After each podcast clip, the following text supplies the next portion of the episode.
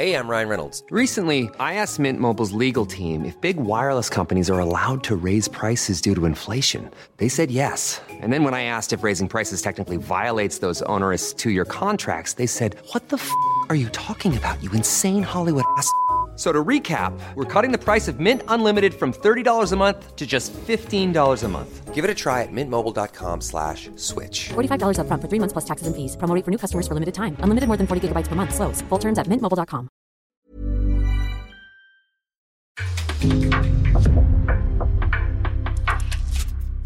En podcast från Aftonbladet. Vårsäsongen i damallsvenskan är över. Vilka har överraskat? För vem passade bäst med lite semester nu? Och vilka stjärnor har egentligen lämnat när det drar igång igen? Så är det dags att byta fokus för FanPlys kommer att bli en EM-podd som följer landslaget från och med nu.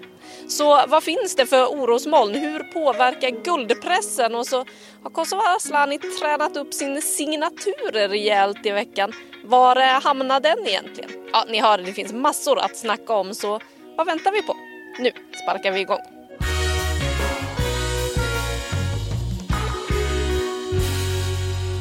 Ja, den damallsvenska vårsäsongen är avslutad och eh, för att summera den så har jag med mig Viaplays expert Per Lagerström. Eh, per, vad tänker du när du tänker tillbaka på vårsäsongen?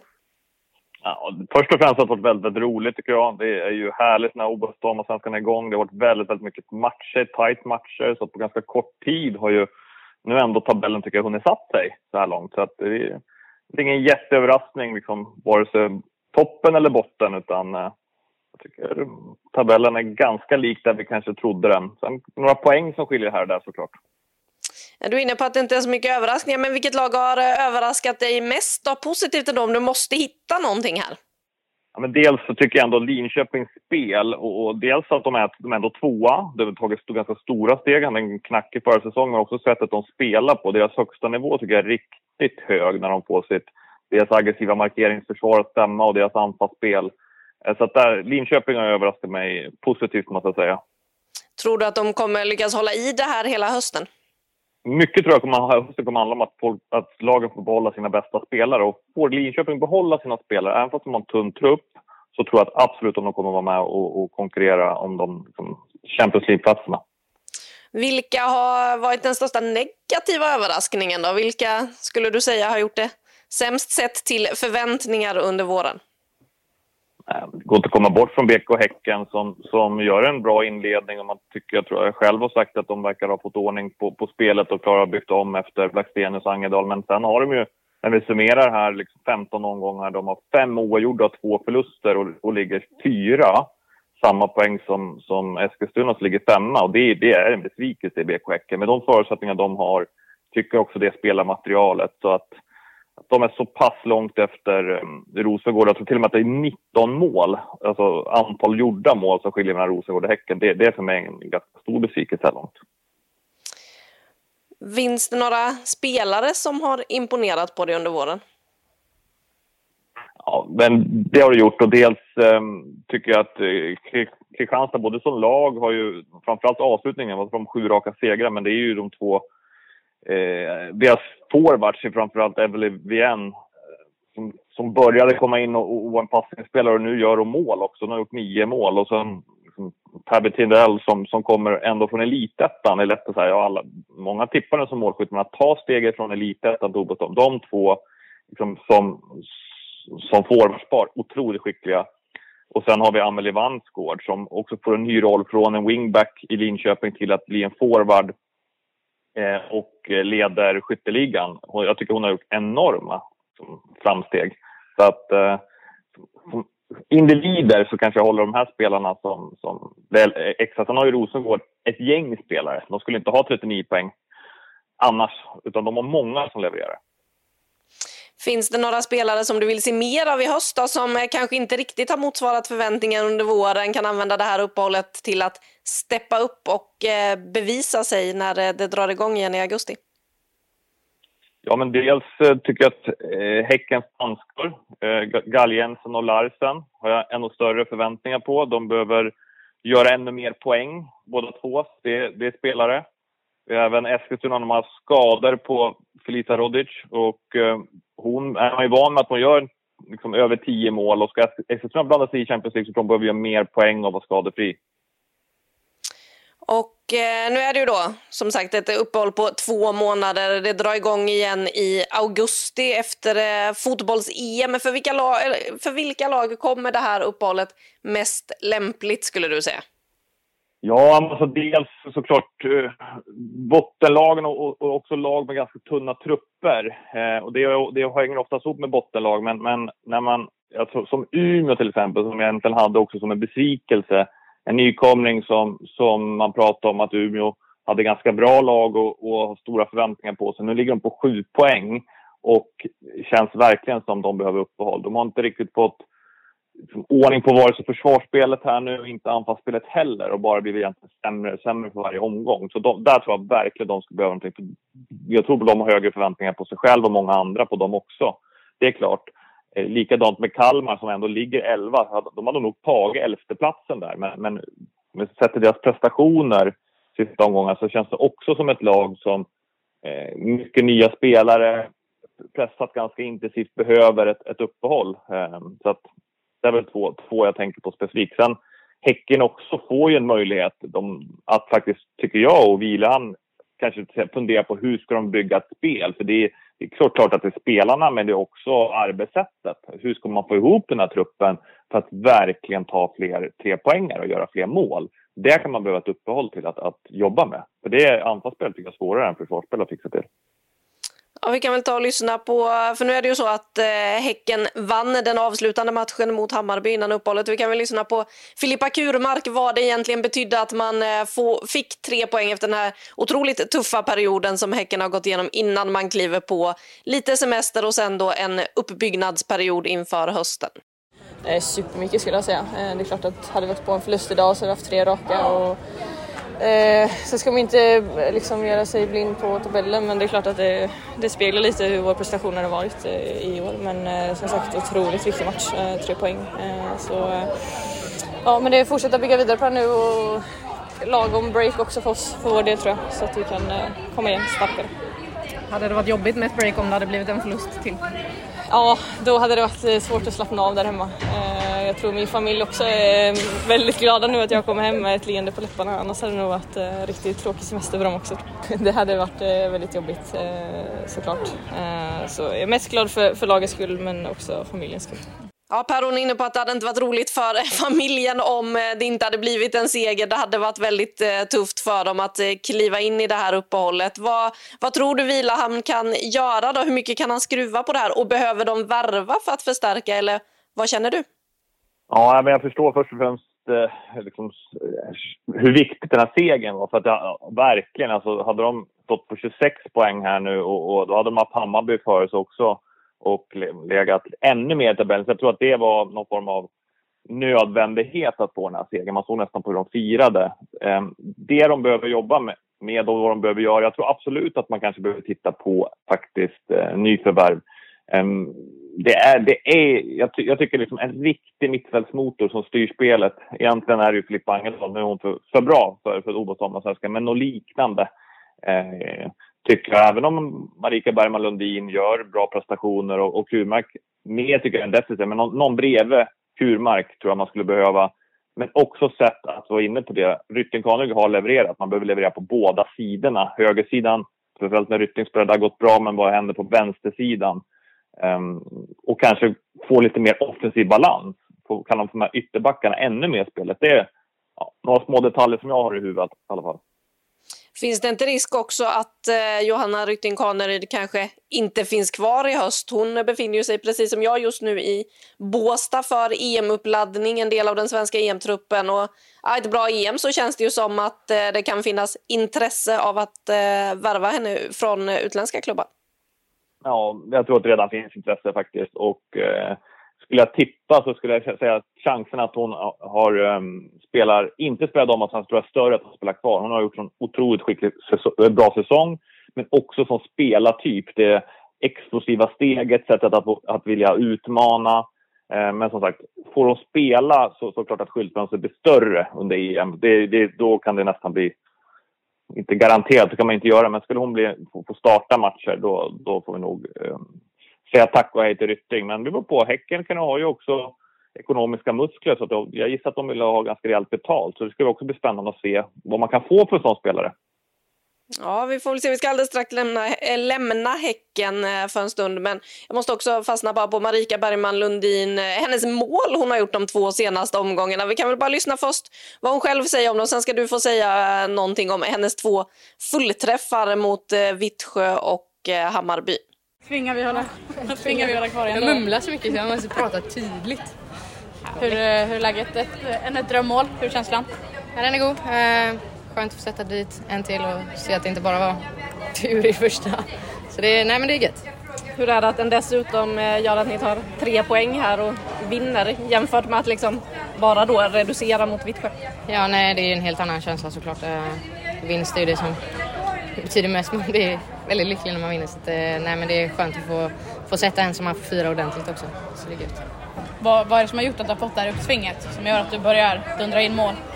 Jag vet, folk säger till mig att skjuta mer. så då, morsan är på mig hela tiden att jag ska skjuta eh, innan jag tycker om att passa bollen till någon annan, åker jag i mål. Men eh, känner väl att jag kan avlossa några skott och se hur de går. Funkat bra hittills. Var du orolig att den första bara var en lyckträff? Så du... ja, lite faktiskt. Jag tänkte, kan man göra en till? Ja, det funkar ändå. Ja. Vad, ja, nej, Vad betyder det för er att ni får den här segern inför uppehållet? För det kom ändå ett två månader långt uppehåll och ni hade en tung period.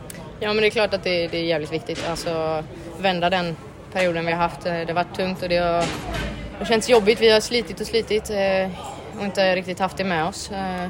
Och idag känner jag att vi går ut och gör en krigarinsats och alla sliter, alla kämpar. Och, och då är det ännu skönare att vinna sådana matcher också. Så att, ja, det känns väldigt bra att gå på sommarledighet med, med en vinst.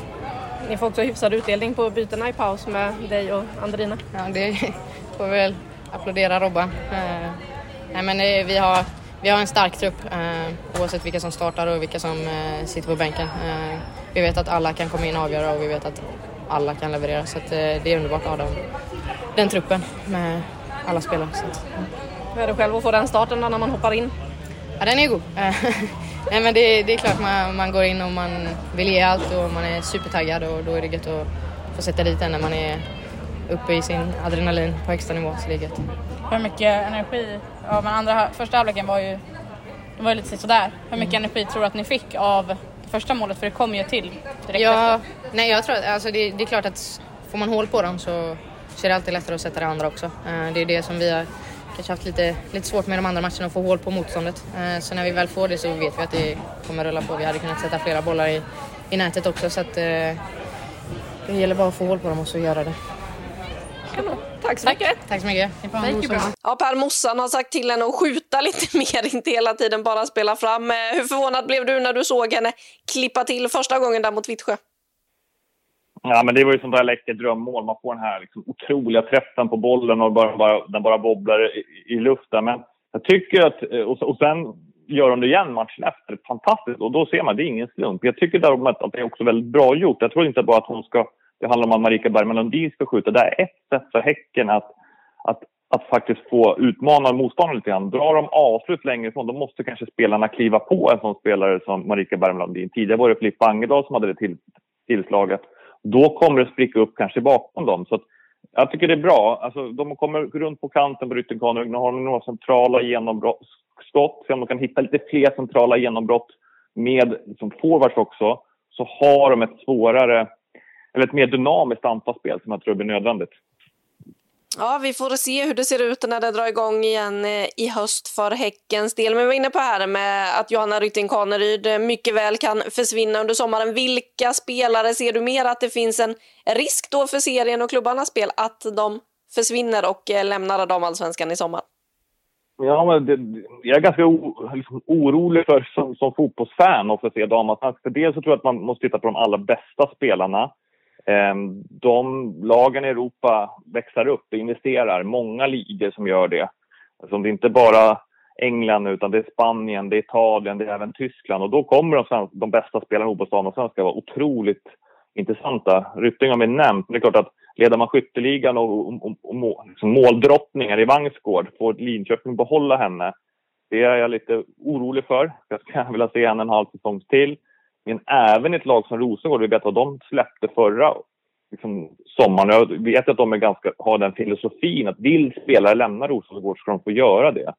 Jag är, som en sån spelare som Cankovic kommer tillbaka till skada. Visst, hon har skrivit ett långt kontrakt men man kan aldrig veta vad som står i kontrakt med klausuler och sådana saker. Så att jag, jag som en, skulle jag sitta i, som klubbledning i Europa skulle jag titta på Cankovic och det är klart att det finns nästan varenda spelare i Rosengård skulle kunna kliva ut. Men henne håller jag lite ett orostecken på. Kristianstad, jag har precis nämnt om Tindel, Vien, nu är ju Tindel skadad, men Vien, hon, hon är, liksom, är väl också, har väl ett lån, så jag vet inte riktigt hur det fungerar, men det är en spelare som kan gå. Så där, där är flera som jag, som klassspelare. Sen åt andra hållet har man ju också hört rapport, rapporter om klubbar som har ekonomiska bekymmer. Eskilstuna har gått ut med det. Alltså, jag läste på KIF Örebros hemsida att de måste göra om sin budget. Um, ryktas om att Kalmar har utmaningar. Man har fått AIKs um, ehm, klubbdirektör prata om att ekonomin inte går ihop. Så det, där kommer spelare bli tvingad bort eller man vill bli av med spelare. Det är ju andra scenariot. Så att, um, det är ju svårare att bedöma vilka det blir då.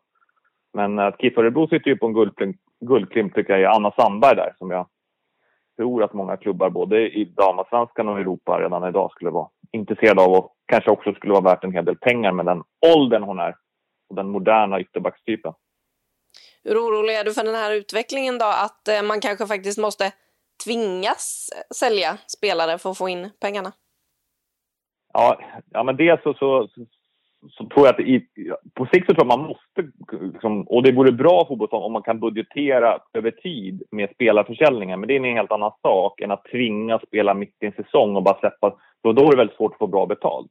Jag, jag tror att det är jätteviktigt att klubbarna, som de börjar göra mer och mer, skriver längre kontrakt och att vi förstår att vi behöver sälja spelare för det kan säkra att du kan värva många andra, det kan säkra en ungdomsverksamheten, du kan till och med bygga upp en kommersiell verksamhet bakom sporten. Det tror jag är viktigt, men då ska man göra det strategiskt och inte i panik. För då, sånt där nosar både klubbar och agenter upp och då får du inte lika bra betalt för spelarna. Och det vore otroligt bekymmersamt att de bästa spelarna går mer eller mindre gratis. Det, det är inte hållbart över tid.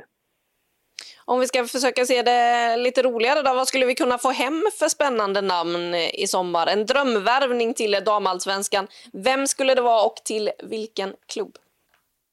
Ja du, det är många men, men eh, Hammarby har gjort den, John Andersson. Vi vet ju att Sofia Jakobsson var tränade med dem och så att offensiv, ytterligare en offensiv spelare till, till Hammarby som borde kunna spela det hade, Sofia Jakobsson hade varit spännande att se där. Nu tror jag att hon verkar trivas i, i USA såklart. Um, annars ska man liksom vara lite Realistiskt såklart. Jag tror att man kan titta på spelare som, som, som inte kanske har fått, som har gått internationellt men inte har spelat. Eh, som Michel de Jong som jag tycker ändå är en ung lovande spelare som inte får så mycket speltid i Spanien. Jag skulle inte bli förvånad om vi ser henne i Obostam och Svenska. Frågan är var, vilken klubb som, som kommer göra det. Eh, Linköping skulle man ju, jag ju också vilja se kanske hitta ytterligare en spetsspelare då, för att kunna konkurrera hela vägen med Rosengård. Vem det är, svårt att säga. Det är inte så många svenska landslagsspelare som kanske är redo att flytta hem. Det är väl Lindahl som, som, eh, som funderar på vad hon skulle kunna spela. Det, det är väl inget riktigt av topplagen som, som behöver en målvakt idag. Jag tänker lite Rosengård, Majka, som spelar Champions League. Skulle Lindahl spela där? Men den stora förhoppningen, som, som är en, kanske mer en dröm, men det är väl att Kosovare Asllani skulle komma och spela i antingen Linköping eller tillsammans med Caroline Seger i Rosengård. Det hade väl varit den största bomben och kanske den häftigaste nyheten. Ja, vi får väl se var hon landar, Kosovare Asllani. Det ryktas ju en hel del kring henne efter att hon lämnat Real Madrid. Vi får se när hon tänker eh, berätta och när hon har signat någonting. Men jag håller helt klart med det hade ju varit en eh, otrolig nyhet om hon skulle komma hem och eh, höja stjärnstatusen rejält på damallsvenskan. Om vi nu då ska titta på, du var ju, vi började ju det här snacket lite med att eh, du sa att tabellen har satt sig och Eh, så ser det ju verkligen ut. I bottenstriden, där har vi fyra lag. Vilka åker ur? Ja, det är en otroligt svår fråga. Såklart, för att alla de här lagen är ju i riktigt svag form. Um, jag tror att Brommapojkarna Ehm, till slut eh, kommer att åka ut, inte på något sätt för att, mer utifrån att de, deras ambition är att jobba långsiktigt. Jag tror inte de kommer göra de mest spektakulära värvningarna. Jag tror de kommer jobba med sin trupp, vilket jag har väldigt stor respekt för, deras ungdomsverksamhet. Och i sådana fall, om man varit inne på det själv, skulle de åka ut så går de upp nästa år. De är inte oroliga för det. Um, så att där, jag skulle ändå sätta dem. Och jag, liksom, jag tror på något sätt att det kanske blir Brommapojkarna och Kalmar som det ser ut just nu. Kalmar däremot, som jag tycker, när de får det att stämma med framförallt Walker och Kempe som forwards, då kommer de kunna ta, då är det lag som jag tror kan ta mest trepoängare. Men när det inte stämmer, då är lag, så pass låg att de ska åka ut. Så av den anledningen säger jag Kalmar. Med en parentes, får de igång målskyttet igen så är jag faktiskt ännu mer orolig kanske för Umeå än för AIK. AIK tror jag kommer få ihop det. Jag tror också att de, får vi se, de, liksom, klubbledaren har väl inte pratat om det, att de ska visa musklerna, men jag tror kanske att AIK kommer göra det. Um, och Umeå har störst förväntningar på, så ett lag som har stora förväntningar som ligger långt ner kommer bli jobbigare och jobbigare. Så den anledningen så jag, jag tror, sätter Umeå på, på kvalplatsen och det blir en otroligt tufft kval i sådana fall. Så att BP Kalmar, om jag måste svara. Och om vi bara fastnar lite där på AIK som vi har pratat om väldigt mycket under den här våren med tanke på deras tabellplacering och allt som har hänt så vann de ju mot Piteå, stod upp bra mot Linköping och sen så åkte de på en stor förlust mot eh, Rosengård här precis innan uppehållet. Vi kan börja med att lyssna på vad Jenny Nordin eh, sa efter den där eh, storförlusten och hur det känns att gå på sommarlov efter att ha blivit fullständigt överkörda av Rosengård. Såklart skit att avsluta vårsäsongen på ett sånt här sätt. Eh, riktigt tufft. Nej, varken pressspelet eller vi går ner på en, någon slags trebackslinje där de har rena de E4 liksom på kanterna. Så att eh, det, de får spela lite överallt eh, och vi är inte tillräckligt nära i vår press. Så att, eh, då blir det svårt. Ni hade ju ändå lite av en positiv trend med segern som kom och stod upp bra mot Linköping. Eh, mm. Hur är det att då få den här precis innan det långa uppehållet? Ja, men det är som, det är som ett slag i ansiktet. Liksom. Det är såklart inte kul alls att få den här eh, känslan in i ett uppehåll. Vi får bara ladda på batterierna nu och komma ut eh, med en eh, ny, bättre känsla inför hösten. För då jävlar ska vi plocka de där poängen som vi behöver för att hålla oss kvar. Ja, Per, hon är inne på att de bjöd dem på rena rama E4 där när de gick över på trebackslinje och så här, att det rann iväg lite för mycket. En käftsmäll att få det här precis innan uppehållet, men eh, att det nu finns tid att bygga på spelet, att försöka lappa ihop det här och komma tillbaka med något bättre. Vad tycker du framför allt att AIK borde jobba på under det här uppehållet för att komma tillbaka starkare i höst? Ja, men det, är, det är ganska svårt, de behöver jobba med, med det mesta för att det, det är i båda ändarna. De behöver hitta sätt att sätta stopp.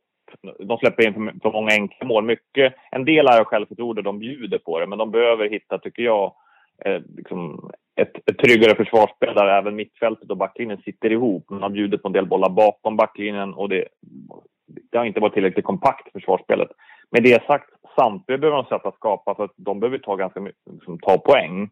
De behöver hitta ett sätt att, att, skapa mer målchanser överlag i matchen. Så deras offensiva spelare, om de har Danielsson i, i, i laget och Simsen som har värvat som målskytt, de behöver få målchanser och behöver göra mer mål. Så att de har mycket att jobba med och jag tror också att i min värld så tycker jag att AIK behöver fylla på med spelare och kanske ibland också mycket möjligt kanske släppa någon spelare om ekonomin så att de får lite ny, nya spelartyper, andra schackpjäser att bygga med. Eh, både spets men kanske också lite smarta värvningar i, i laget. Så, att, eh, så att jag tror att starten för AIK, det kommer att vara avgörande. Tar någon, någon, någon tre poäng ganska snabbt, och kommer de leva. Skulle de åka på två, tre förluster ja, då, samma sak där. Då är förväntningen på ett lag som åker mycket högre. Då, kan det, då finns det risken att de inte lämnar den här 14 positionen innan serien är slut. Mm, vi får se vad bottenstriden har att bjuda på när det drar igång igen. Högst upp i tabellen så hittar vi ju FC Rosengård obesegrade genom den här eh, våren. Kan någon utmana Rosengård om SM-guldet? Ja, men det, det, det, det, kan lag, men för alla lag kommer att ha svacka. Frågan är Rosengård och Londons svacka. Det kan ju vara en match, det kan vara en tappad poäng, men blir den längre, då går det ganska snabbt med trepoängssystemet. Och Rosengård har jobbet när de möter Kristianstad. De har, eh, jag vet, du vet, även Linköping, om de blir bättre och bättre, det blev 4-3 sist i den matchen, en målrik match. Får Linköping ordning på det så tror jag att Linköping också, när allting stämmer, kan slå Rosengård det kan även Häcken. Så det finns ganska många lag. Det finns fler. Eh, Eskilstuna stämmer, men Vittsjö eh, också. Så jag tror att det finns lag som kan slå Rosengård. Sen talar det allra mesta för det. De har ryckt med fem poäng, så att de är stora favoriter, men de kommer vara jagade. Så att, jag vill inte säga att det är på något sätt avgjort, eh, men de har satt sig i en väldigt fin position. Vi kan väl lyssna vad eh, Caroline Seger säger om det där om serien är avgjord eller inte. Absolut inte. Alltså det tror jag det farligaste man kan göra är att slappna av nu och, och låtsas som att eh, vi redan har gjort vårt jobb. Eh, vi kan ju absolut inte slappna av med tanke på att Linköping och, och Kristianstad eh, ligger ju ändå eh, åtminstone Linköping ligger ju väldigt högt upp fortfarande. Ja, Per hon är ju inne på lite samma sak som dig och att det farligaste som finns för dem är att slappna av och känna att eh, okej, okay, vi har redan gjort jobbet, eh, nu är det klart, eh, vi kan fira guldet och börja satsa på Champions League typ. För det är ju det också som kommer in för Rosengårds del. I år har de ju som tydligt mål att de ska in i Champions Leagues gruppspel. Det är en väldigt tydlig målsättning om man pratar med folk i klubben där. Men det kommer ju också en nyhet i veckan. Caroline Seger väljer att förlänga med två år, har skrivit på över 2025 2024. Vad säger du om den nyheten och att hon har tagit beslutet att faktiskt förlänga två år redan nu? Ja, det var nog en av de absolut starkaste nyheterna liksom, kopplat till Rosengård och få henne klar i två till säsonger.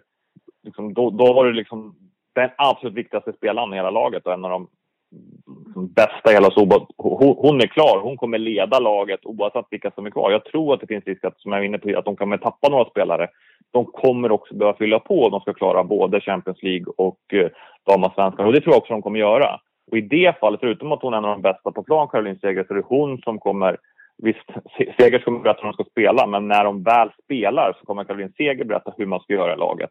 Och av den anledningen så tror jag att liksom, jag är inte så orolig att Rosengård tappar spelare, för de kommer fylla på. Så att den nyheten var ju ja, otroligt betydelsefull, men också tycker jag i sig ganska imponerande att man kan liksom, ska spela i två säsonger till. Det är bara att gratulera damlandslaget och Rosengård, men det är, det är unikt om hennes kropp håller. Det är, än så verkar hon göra det, match efter match efter match, och fortfarande att hon levererar. Någon gång lär hon ju börja bli sämre. Jag undrar, den, alltså, det är nästan omöjligt att se den dagen. Man tror ju att hon alltid ska spela fotboll, men ja, det, det, är unikt att en, en central mittfältare som den positionen hon har, som är så aktiv i spelet, spelar så länge i den faktiskt åldern som Caroline, eh, Caroline Seger uppe just nu. Ja, vi kan väl lyssna på vad hon själv säger om det där med just att det är två år och hur hon tänker kring att eh, hon då ska enligt kontraktet spela fotboll till 2024. I min värld så, så finns det liksom inget roligare än fotboll och jag jag ser liksom ingenting eh, negativt med att förlänga i, i två år och känna att eh, bara inte göra om det efter nästa år igen om jag skulle känna så. Utan nu har jag dessa två åren och eh, vi utgår från det och, och um, hoppas att motivationen och, och drivet håller i sig. Nu i sommar väntar ett EM i England 2023, det är VM i Nya Zeeland, Australien och eh, 2024, ja då väntar ett OS i Paris. Eh, ser vi dig där? Alltså, där jag är just nu så, så är jag bara superglad att jag liksom ska få uppleva ett EM nu i sommar. Um, sen tror jag det är jättesvårt för en i min ålder och um, känna mer eller längre än så. Um, jag tror att man får någonstans också utvärdera hela tiden och, och vad kroppen och, och huvudet klarar av och liksom hur mycket som finns i mig och om jag kan fortsätta att leverera så um, det tror jag någonstans man får hela tiden bara vara ärlig mot sig själv och, och se i längden och inte tänka uh, längre än liksom detta EMet. Ja, Caroline Seger där alltså ingen tvekan, hon älskade det här med att spela fotboll. Vi får väl se hur länge motivationen och drivet finns där. Det är tydligt att det fortfarande finns där i alla fall och just nu så eh, är hon på ett hotell en liten bit ifrån där jag är och har påbörjat EM-uppladdningen för Sverige. Vi ska snart ta och börja fokusera på det. Men innan vi släpper damallsvenskan och vårsäsongen Per så finns det ju Europaplatser att spela om också. Det är otroligt tajt i den här tabellen bakom. Det har överraskats eh, en del ändå får jag säga under våren här. Eh, vilka kommer ta de där CL-platserna då i eh, den här säsongen? Vilka tror du? Rosengård kommer ta en, Det är jag helt säker på. Jag tror att Linköping kommer hålla förutsatt att Vangsgård och Momiki och Takarada stannar. Det är det som kommer vara avgörande. För att få lagen, tappar de nyckelspelare här i sommar då kommer det bli en helt annan tabell. Men om vi utgår från lagen ut nu så tror jag Linköping eh, tar andra platsen. Eh, Hindels, hur är det med hennes eh, skada? Vet inte Kristianstad. Är hon borta, då kommer BK Häcken, men jag tror kanske även både Eskilstuna med ekonomiska bekymmer tror jag får svårt. Vittsjö har nog inte helt gett upp det där. De, jag vet att de har nog velat ha tre poäng i sista matchen och haft 29, men jag tycker ändå att eh, Nej, Kristianstad fyra poäng, det, det räcker nog mot Häcken nu. Jag tror tyvärr att Häcken får en missar och Kristianstad tar den tredje platsen.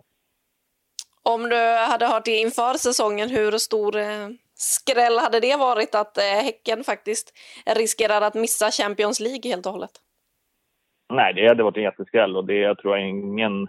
Nu, nu ska de spela klart där, så då får de utvärdera. Men skulle så bli fallet så, så det tror jag kommer få en hel del konsekvenser. Det är ett jättemisslyckande. Nu är ju inte det klart och, och som sagt, jag tror verkligen de, de kommer göra allt och de har en trupp eh, som, som skulle kunna göra att de fortfarande har möjlighet att sluta hela vägen upp om allting stämmer. Men eh, skulle, de, skulle de missa Champions League så med, med de förutsättningar de har, den truppen de har, men också den, det sättet de har kommunicerat vad, vad som är viktigt för dem. Det är att både vinna serien och komma till Champions League. Det är ingenting annat som gäller.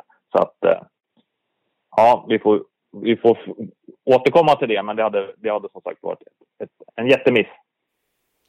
Ja, vi får se vad som händer när damallsvenskan alltså sparkar igång igen i augusti. Vi tackar för underhållningen som det har bjudits på under våren och eh, hoppas att eh, spelarna som inte befinner sig på diverse landslagsläger och sådär just nu njuter av lite semester och kommer tillbaka i, med en fin form i höst för vi vill ju givetvis se mer av den här serien då och följa avslutningen, se vilka av de här spårdomarna som går in, vilka spelare som är kvar. Ja, det finns mycket att hålla koll på, men med det så stänger vi den damallsvenska vårsäsongen och jag tackar dig Per för att du hade tid att vara med och snacka här idag. Tack och bock.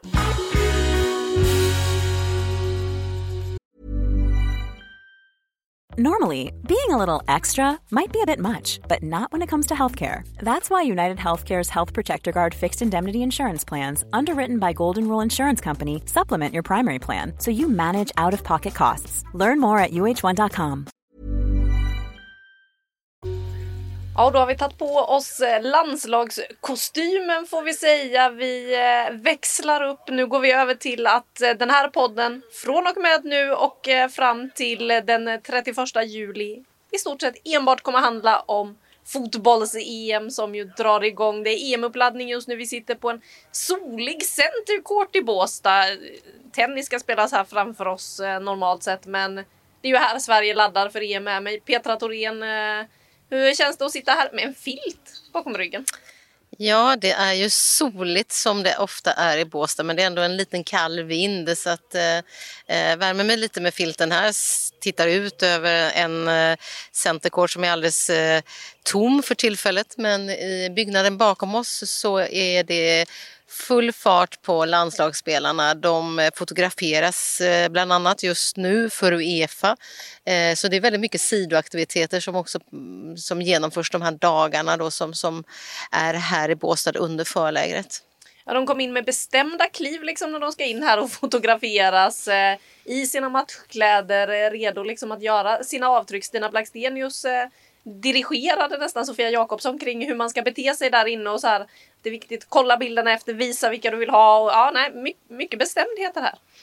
Ja, och det kanske blir så när man får på sig matchstället för de hade ju sina matchställ på då att, eh, att det händer någonting eh, mentalt så att eh, jag kan tänka mig att det delvis är lite det där och när vi pratar om Stina Blackstenius så känns det ju som att hon har blivit väldigt avslappnad. Det har du och jag pratat om de här dagarna och att hon verkligen är redo för det här mästerskapet och för att leverera på, på den höga nivån som hon verkligen kan så att äh, hon vet vad hon vill.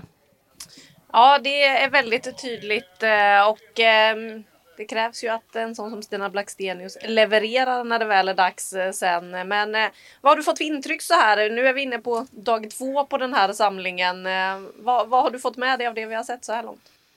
Ja, vi kan börja med det snacket som är utanför plan och så kan vi gå över till, till planen sen och de träningar som har varit. Men framförallt det som pratas om, eller samtalsämnet framförallt eh, vid sidan av, är ju favoritskapet. Eh, svenska spelarna är medvetna om att de går in i mästerskap som favoriter. De har själva varit med att både sportsligt leverera för, för att komma till den positionen där de blir ett favoriserat lag inför för det här mästerskapet men också faktiskt i uppsnacket inför och eh, eh de är ändå väldigt avslappnade kring just favoritskapet. Eh, Olivia Skog lyfte väl det lite grann igår när du stod med henne där att, att eh, vi får ändå prata om det här, vara medvetna om det här. Men när man hör många av de äldre spelarna, Linda Sembrant bland annat idag, mittbacken från Juventus, så var hon väldigt, ja det här hade vi inte kunnat stå och säga för, för tio år sedan men, men vi, är, vi är redo för det här och eh, de känns som att de är på en plats för att leverera hela vägen till guld. Tror du att de kommer lyckas med det då? Jag har ju sagt nej innan då. Det är tråkigt att vara pessimisten i det, här, det hela. Förutsättningarna finns, de omfamnar möjligheten. De verkar förlika sig på ett väldigt positivt sätt med det här favoritskapet. Så alla de bitarna finns ju där. Eh, sen är det ett EM som är så mycket tuffare än ett OS. Eh, och jag tror att många av de här andra lagen eh, som inte då fanns med på OS bland annat och som inte har lyckats det senaste, de, de har också tagit kliv. Eh, så jag tror att det kommer bli extremt svårt att ta sig till final. Men jag menar möjligheterna finns och är det någon gång det ska ske eh, igen så är det nu.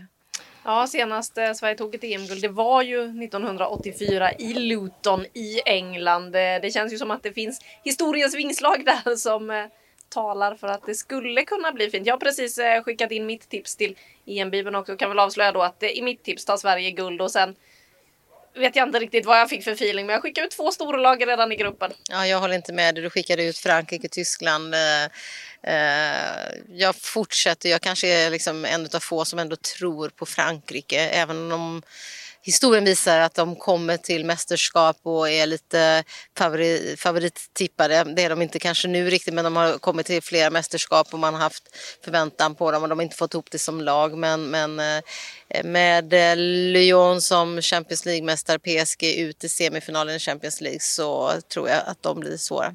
Ja, jag brukar ju tippa Frankrike väldigt långt fram eh, generellt sett så att eh, de kanske får tacka mig då om det går bra den här gången istället allt eh, beror såklart på hur jag tippar i det här. Ja, hela mästerskapet beror ju givetvis på det. Ja, absolut. Ingen hybris här. Inte alls i solen i Båstad. Eh, men eh, du sa det här är det utanför planen. Den yttre pressen som finns. Det är också en press som spelarna själva lägger på sig själva. De är ju tydliga med att det finns bara ett mål efter ett OS eller ett VM-brons i Frankrike.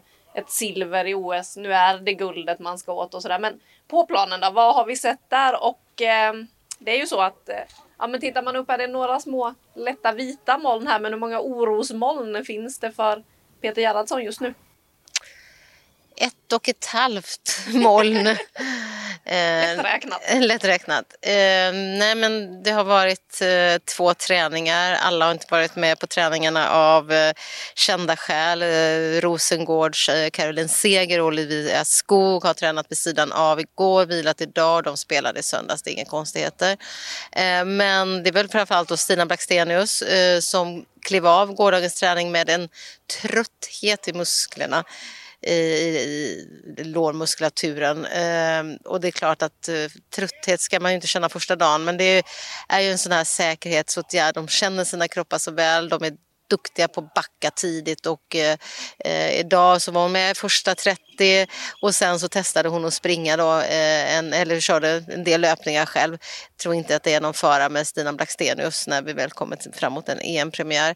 Eh, lite större frågetecken då, lite större moln och mörkare moln kring eh, eller över Elin Rubensson, BK Häckens eh, allround-spelare, framförallt mittfältare som har haft en skadefylld vår jättetrist. Eh, jag, vet, jag träffade henne i våras inför premiären i Damasvenskan och hon sa att hon eh, liksom var i ett sånt himla bra slag, som bra form. De har tränat hårt och hon var tillbaka nu ett år senare efter eh, barnafödande och verkligen kände att nu, nu har hon tagit ett steg till i, i formmässigt och sen så drog hon då en, eh, fick en liten bristning på, på baksidan lår och sen har hon fått en annan överbelastning på, i andra benet. Och hon eh, har inte heller varit med helt och hållet fullt. Hon var med mycket igår. Idag klev hon av det intensiva spelet och sprang vid sidan av.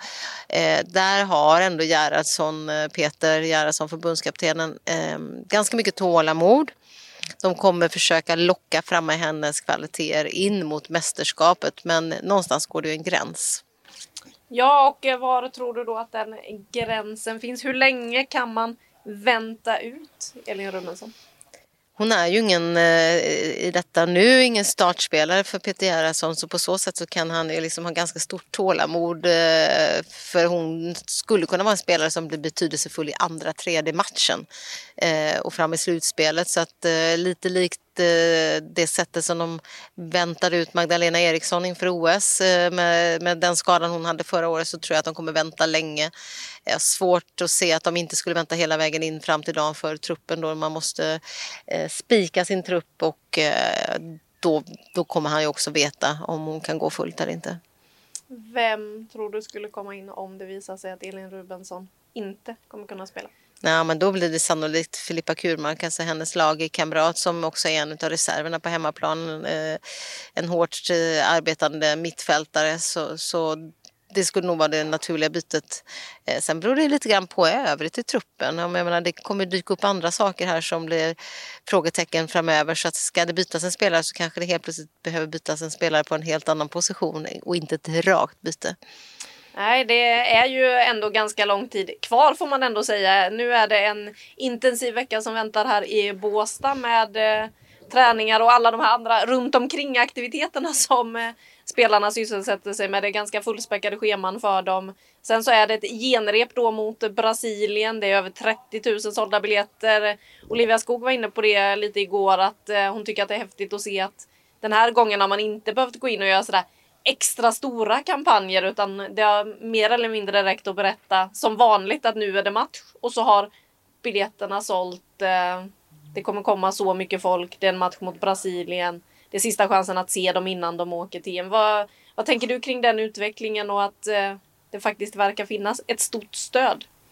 Ja, men jag tycker det är otroligt häftigt att, eh, att damlandslaget och de här starka profilerna som finns i det här laget som så många gånger har, har slitit för det här och, och verkligen ropat och, och liksom stått på barrikaderna och liksom slagit för, för damfotbollens plats och position. Nu behöver de inte göra det. Nu, nu är det det sportsliga som, som skapar intresset kring det här laget. Eh, de är starka förebilder. Eh, nu vill folk komma och se dem utan att eh, liksom, det behöver bli något konstlat eller några extrema eh, kampanjer. Folk kommer för att de är nyfikna, intresserade och gillar, gillar laget. Och, och eh, det är ju otroligt roligt att se att det är så och, och går ju i linje med hur den internationella utvecklingen har varit på damsidan i år. Så att, eh, det, det är mäktigt. Hur eh, ser du på genrepet då? Vad tror du Brasilien bjuder för, på, för motstånd? Vad kan vi liksom se det som för värdemätare inför ett EM? ja, men kanske en ganska bra värdemätare på så sätt att de är inte lika starka som de har varit lite grann historiskt. Men eh, om jag förstod det också så ingen Marta som, som eh, då ska vara skadad. Så det är klart att det inte är ett eh, riktigt så tufft motstånd som ett Brasilien för ett antal år sedan under Martas storhetstid hade, hade varit. Men, men ett tillräckligt bra motstånd för att eh, för att eh, bli en bra värdemätare. Plus att Pia Sundhage eh, som är förbundskapten för, för Brasilien, hon kommer ju inte bjuda till något. Hon kan sitt Sverige. Hon eh, vill säkert också visa lite grann vad, vad hennes lag går för. Så jag tror att det blir, en, det blir en häftig match och en bra värdemätare.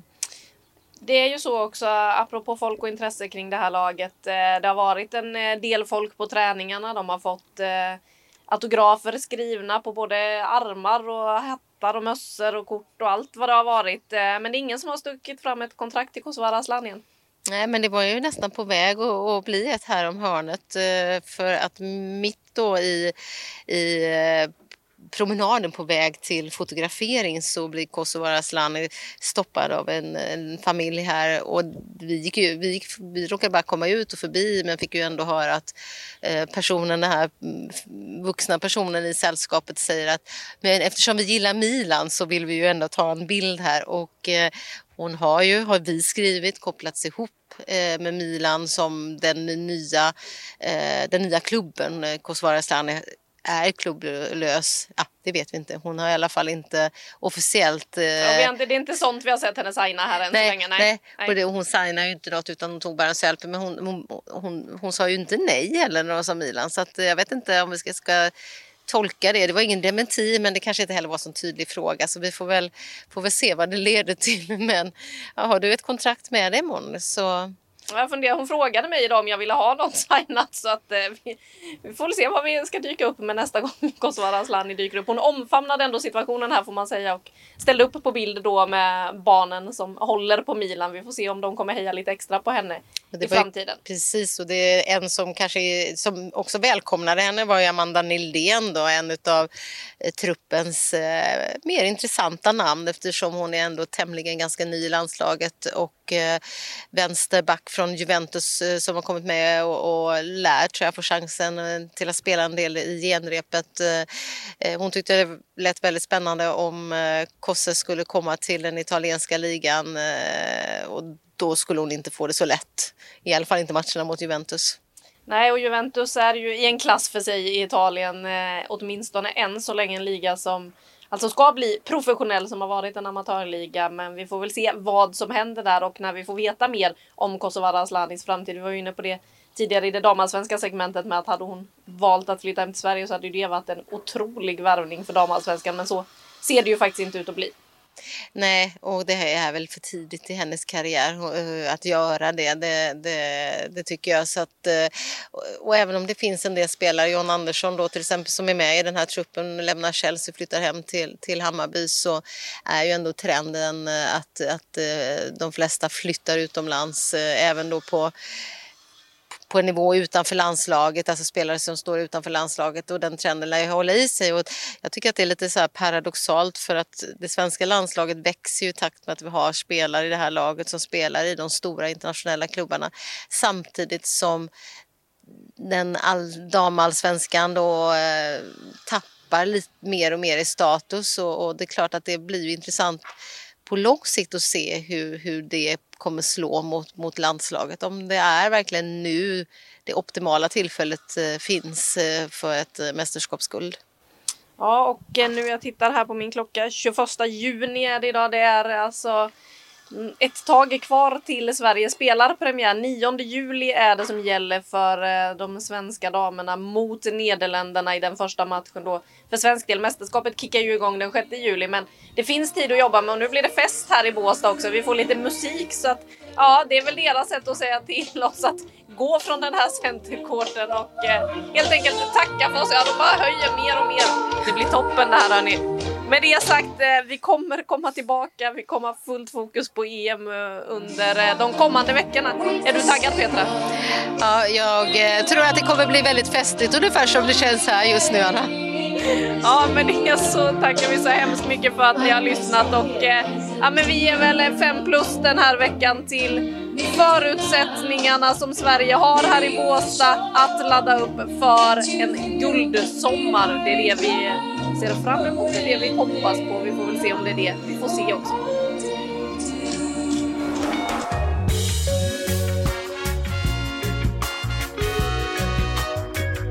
Du har lyssnat på en podcast från Aftonbladet. Ansvarig utgivare är Lena K Samuelsson.